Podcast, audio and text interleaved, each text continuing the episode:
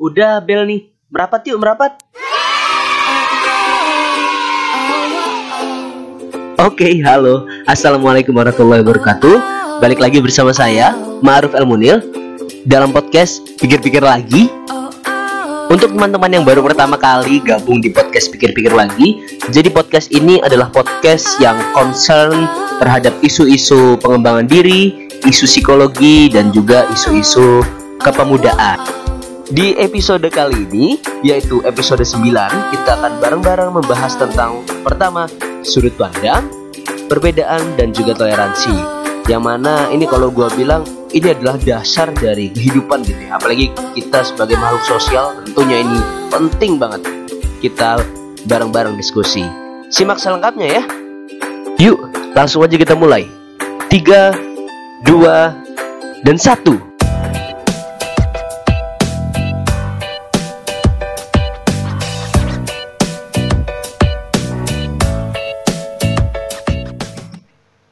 Ini dia Indonesia. Oke, Indonesia. Ini nah negara kita yang mungkin kalau kata orang atau mungkin sering banget ya kita lihat dulu di Instagram bukan dulu sih. Sering masih sering kita lihat di Instagram atau mungkin di Google dan segala macamnya dalam Indonesia itu kan ada kata-kata one di sana yang menandakan in dalam Indonesia tuh kita tetap satu atau mungkin ya malah mudah menjadi dasar negara kita gitu ya. Bineka Tunggal Ika, berbeda-beda tapi tetap satu. Ya, gua sih jujur jujur aja gue agak nyinyir. Nyinyir dalam arti gini cuy. Berbeda-beda ini tetapi tetap satu ini udah kita aminkan bersama ya. Tapi ternyata berbeda-beda ini kadang-kadang nggak sepaket gitu ya. Nggak sepaket sama yang namanya toleransi tadi. Makanya akhirnya ya udah kita tahu kita berbeda-beda. Akhirnya bukan menjadi sesuatu yang bisa kita banggakan walaupun tetap ada yang membanggakan gitu ya dari, dari Indonesia. Tapi akhirnya ya ibaratnya gimana ya? Ya sama-sama ada baik buruknya. Dan entah kenapa sekarang itu kita dalam posisi yang memang sedang sering-seringnya merasakan ketidakenakannya. Ya bener. Ya jujur-jujurnya kan begitu ya. Terutama apalagi kita kita nih yang sering banget di di media gitu yang ngelihat macam-macam permasalahan yang ada di Indonesia sekarang ini. Ya semoga yang denger podcast gue kali ini bukan golongan orang-orang yang suka memaki-maki orang lain, terus juga menjudge orang lain atau mungkin suka berdebat dengan hal-hal yang nggak penting gitu ya. Karena ya tadi kita Indonesia, kita one, ada kata-kata one di sana, kita satu, udahlah, kita nggak usah terlalu pikirin tuh perbedaan-perbedaan lainnya ya. Bener, ini yang gue bilang tadi, sudut pandang, perbedaan dan toleransi ini adalah keahlian yang emang harus kita miliki sejak kecil ya. Mungkin yang pertama kali akan gue bahas ini akan nyambung aja kisah-kisahnya ya. Lu sadar gak sih kita tuh sering banget terfokus pada apa yang membedakan kita? Itu yang pertama pengen gue sampein. Karena apa? Gue sadar sesuatunya gini sih. Gue sadar kecil gue bisa menyaksikan orang tua gue atau mungkin sekitar gue mendebat hal-hal yang gue bilang cukup unik. Terutama perdebatannya biasanya yang mungkin lebih ke arah agama ya. Sederhananya gini mungkin kalau dalam Islam itu kan ada yang menggunakan kunut dan ada yang menggunakan tidak menggunakan kunut. Ini gue jujurnya gue sering banget dulu dengar wah bapak kok pakai kunut? Emang itu udah sesuai sama Rasulullah?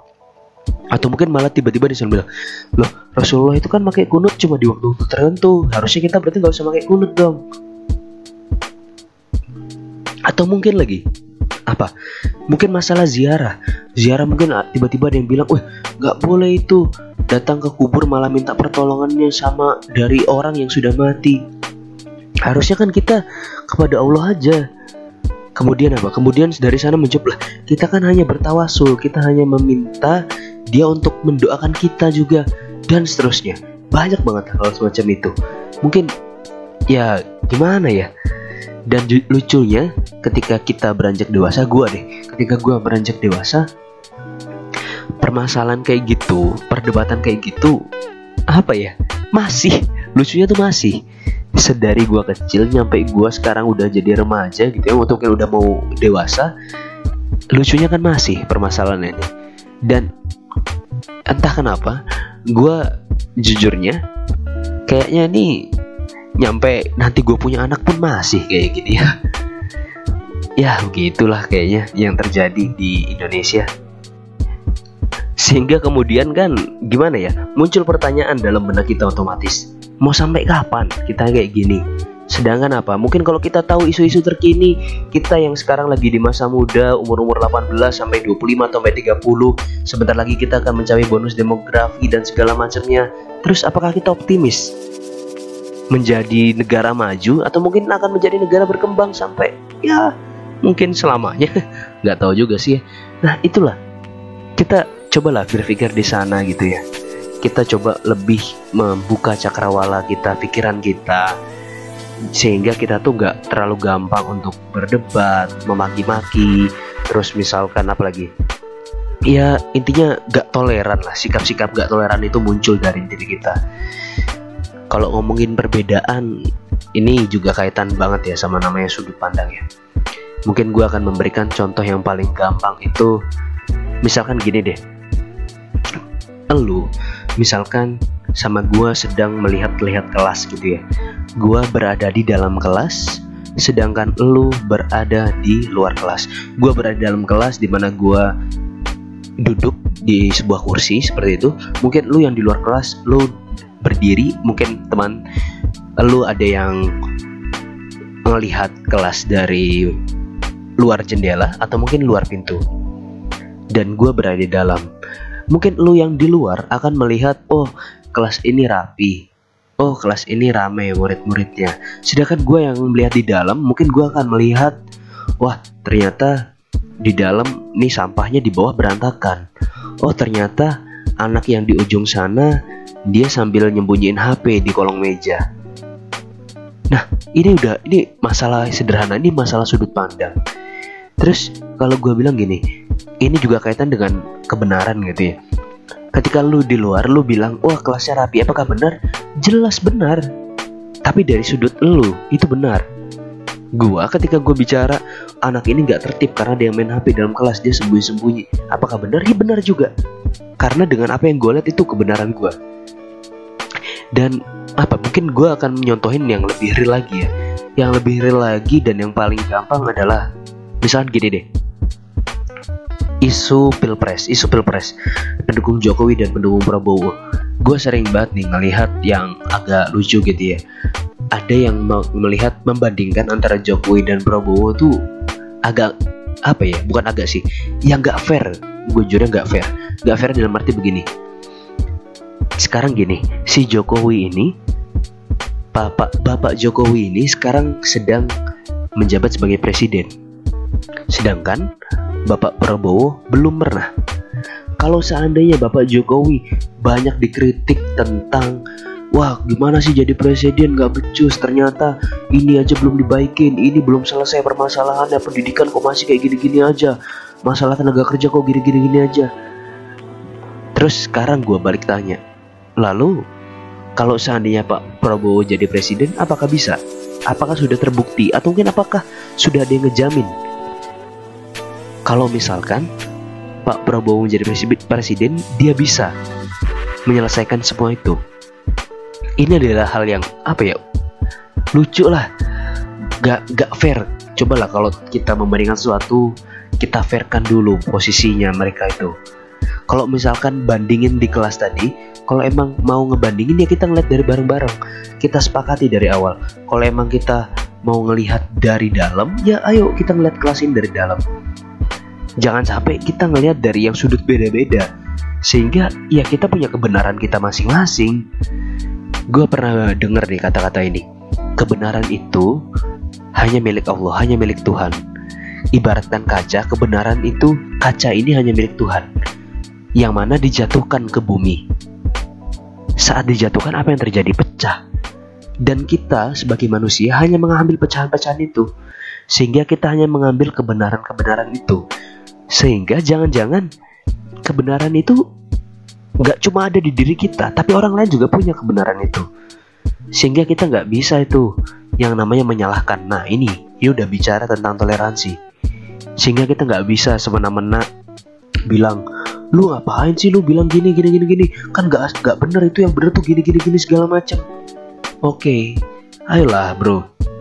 Dibuka pikirannya lagi. Jangan sampai lah kita kayak gitu. Ya begitulah. Dan mungkin yang pengen gue bilang sekarang hal terpenting dari sebuah toleransi yang sampai saat ini gue pahami adalah dialog. Dialog. Yang namanya dialog itu akan membuka pikiran kita, membuka cakrawala kita, membuka sudut pandang kita. Ya, gini, kalau bicara tentang sudut pandang, sudut pandang yang paling baik masih nyambung dengan yang tadi. Sudut pandang yang paling baik adalah gue jujurnya, menurut gue yang paling baik adalah sudut pandang helikopter ya. Kalau gue bilang, mungkin teman-teman boleh ngasih masukan gue sudut pandang seperti apa yang terbaik. Tapi bagi gue itu sudut pandang helikopter. Seperti apa sudut pandang helikopter ini? Sudut pandang helikopter adalah di mana saat lu berada di atas. Kalau mungkin tadi bicara tentang kelas ada yang di dalam, ada yang di luar, ada yang melihat dari sudut pintu, ada yang melihat dari luar jendela seperti itu. Sedangkan orang yang berada di helikopter, mungkin dia akan melihat, melihat apa? Oh, melihat gue yang sedang berada di dalam, melihat lu yang sedang sedang berada di luar pintu atau mungkin ngelihat mereka yang sedang berada di luar jendela. Apa maksud gua? Jadi, dari sanalah kita bisa memahami bahwasannya oh, ternyata dia itu nganggapnya kayak gini karena dia berada atau mungkin karena dia berdiri, berdiri di sini. Oh, mereka itu menganggapnya seperti ini karena apa? Karena mereka melihatnya dari sisi ini sehingga mereka nggak melihat sisi ini. Ini yang harus kita pahami bersama. Ini yang paling penting. Ini gue punya kisah yang penting banget, yang semoga bisa membuka pikiran kita bersama gitu ya. Nanti akan ada kaitannya dengan dialog. Jujurnya gini, jadi ini kisah nyata ya. Ini gue punya teman. Jadi temen gue ini jujurnya di awal-awal perkuliahan biasa aja gitu ya sama kayak gue nggak kelihatan kayak orang alim atau mungkin kayak orang bandel nggak. Biasa banget. Nah terus di satu saat tiba-tiba gue melihat dia ini ada niatan baik di mana sepertinya dia punya niatan sebegitu kuatnya untuk belajar agama. Dan tentunya gue sebagai teman sangat mendukung dia. Wah bagus dong kalau kamu belajar agama.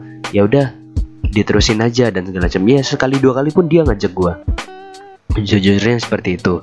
Dan kemudian ya singkat cerita dia sering ikut kajian-kajian di masjid-masjid ikut pengajian-pengajian terus ngaji-ngaji di mana-mana seperti itu ya. Dan akhirnya ya ini singkat ceritanya tiba-tiba setahun mungkin ada setahun tiba-tiba banyak yang berubah dari dia entah itu dari pikir dari pemikiran entah itu dari penampilan entah itu dari fisik bahkan kehidupan bersosial medianya. Ini terjadi. Dan ketika itu ya apa ya ya mungkin gue sebagai temen udah melihatnya menyesal sih. Menyesalnya dalam arti waduh kenapa gue ketika itu nggak apa ya nggak membuka pikiran dia? Intinya gini oke okay, kayaknya gue salah bahas itu dulu. Intinya gini maksud gue adalah gue pernah terjadi suatu saat di mana ada kasus kemarin gitu ya, ada kasus kemarin tentang perdebatan gitu di beberapa kelompok dalam Islam. Intinya adalah tiba-tiba dia membuat sebuah postingan yang mana menyudutkan, bukan lagi menyudut, mencaci, mencaci suatu kelompok di mana dia bilang, wah ini udah nggak bener, ini udah nggak sesuai sama Islam. Semoga kali kelompok ini mendapatkan hidayah dari Allah sehingga kembali ke jalan yang benar. Dia menyebutkan seperti itu. Yang gue sadari adalah ini orang gak sadar apa ya kalau gue ini sebagai teman dekatnya ya gue bagian dari kelompok yang sedang dia caci. Dan jujurnya apa yang terjadi? Ya jelas lah. Ya gue kesal dengan orang itu dong otomatis.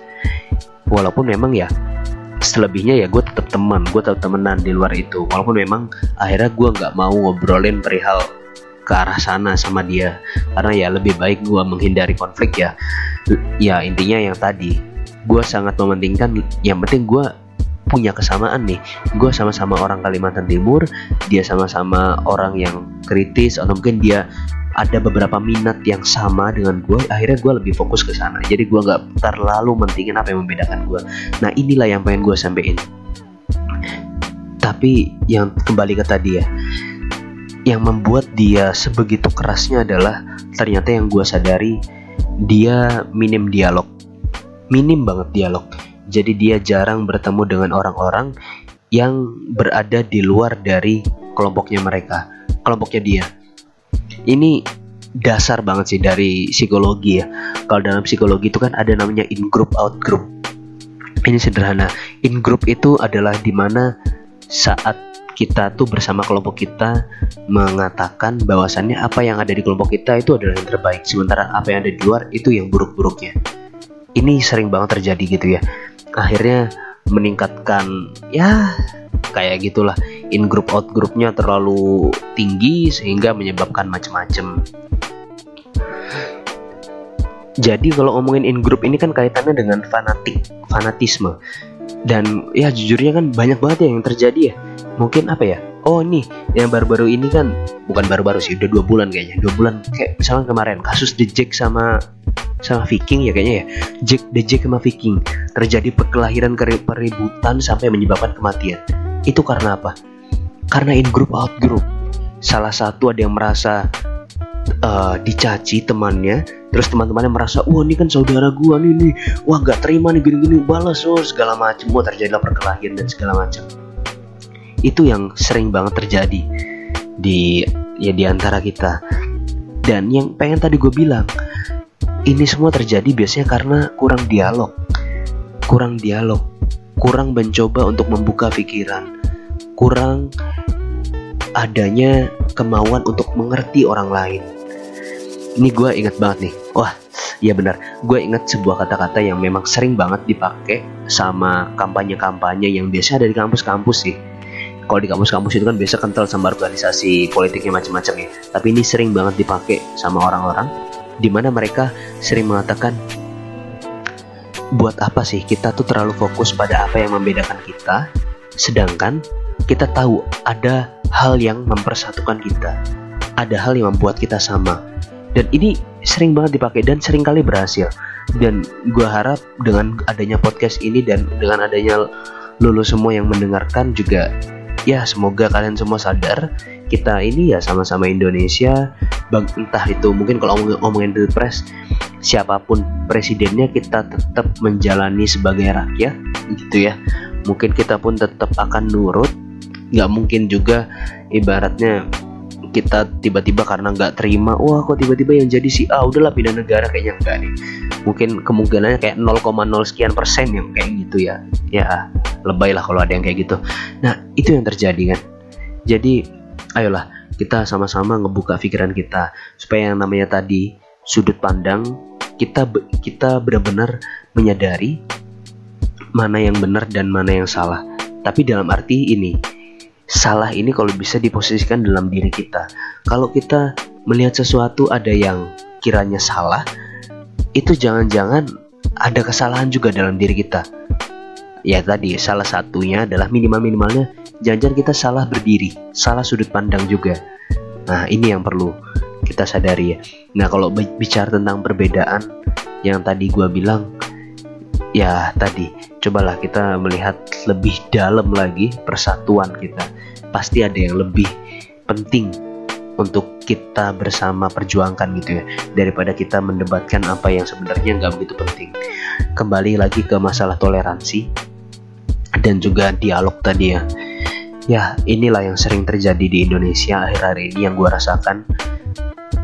Ya kita kita ini jujur-jujurnya mudah banget ya terdoktrin akan sesuatu. Ah gimana ya gue bilangnya ya? Ya ini banyak banget sih dilakuin sama beberapa kelompok di Indonesia.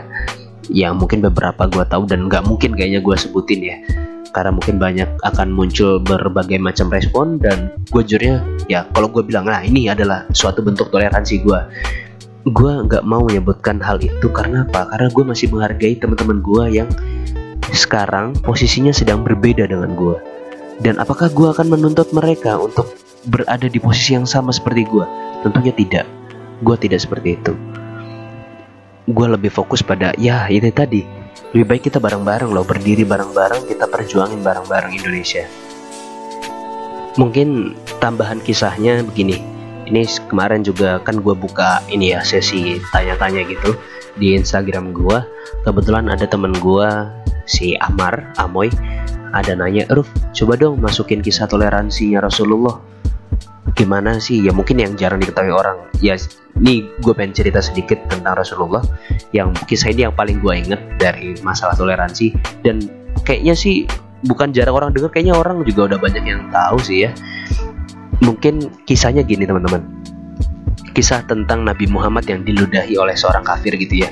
Jadi mungkin yang kita tahu bersama Rasulullah itu kan orangnya sangat maaf ya tidak mudah merasa sakit hati walau mungkin diperlakukan dengan perbuatan yang sangat menyakitkan sekalipun ya itulah yang terjadi sama beliau jadi yang gue tahu adalah diriwayatkan ya Rasulullah itu kan Dulu setiap kali pulang dari masjid, beliau itu pernah diludahi oleh seorang kafir. Kemudian suatu hari Rasulullah itu gak nemu si orang ini. Biasanya kan ada si orang itu yang selalu ngeludahin dia. Saat entah kenapa ya, saat itu Rasulullah itu malah tahu ternyata orang yang ngeludahin itu lagi sakit. Coba tebak apa yang dilakukan oleh Rasulullah. Ternyata Rasulullah itu beliau bergegas untuk menjenguk. Bayangin nih, orang yang tiap hari ngeludahin dia eh malah mau dijenguk coba nih kalau kita kita kayak gitu apa yang apa yang terjadi misalkan lu nih lagi jalan gua ludahin. Gua ya jangankan berhari-hari. Hari pertama gua ludahin juga kayaknya lu langsung nonjok gua keroyokin gua dan segala macem. Ya enggak tapi bayangin Rasulullah punya sifat yang seperti itu. Beliau itu malah bergegas untuk menjenguknya. Dan hebatnya adalah ya otomatis orang itu si orang kafir ini juga kaget. Dan akhirnya apa? Beliau malah masuk Islam karena sebab sebegitu pemaafnya Rasulullah dan sebegitu luar biasanya akhlak dari Rasulullah. Ya, semoga kita semua juga menjadi orang yang seperti itu ya. Orang yang pemaaf, orang yang toleran. Ya, semoga seperti itu mulai dari sekarang dan juga seterusnya. Oke, kayaknya episode ini itu aja kali ya yang pengen gue sampein. Jadi kalau ya, gue bahas ulang sekali lagi kaitannya dengan sudut pandang, sudut pandang tadi.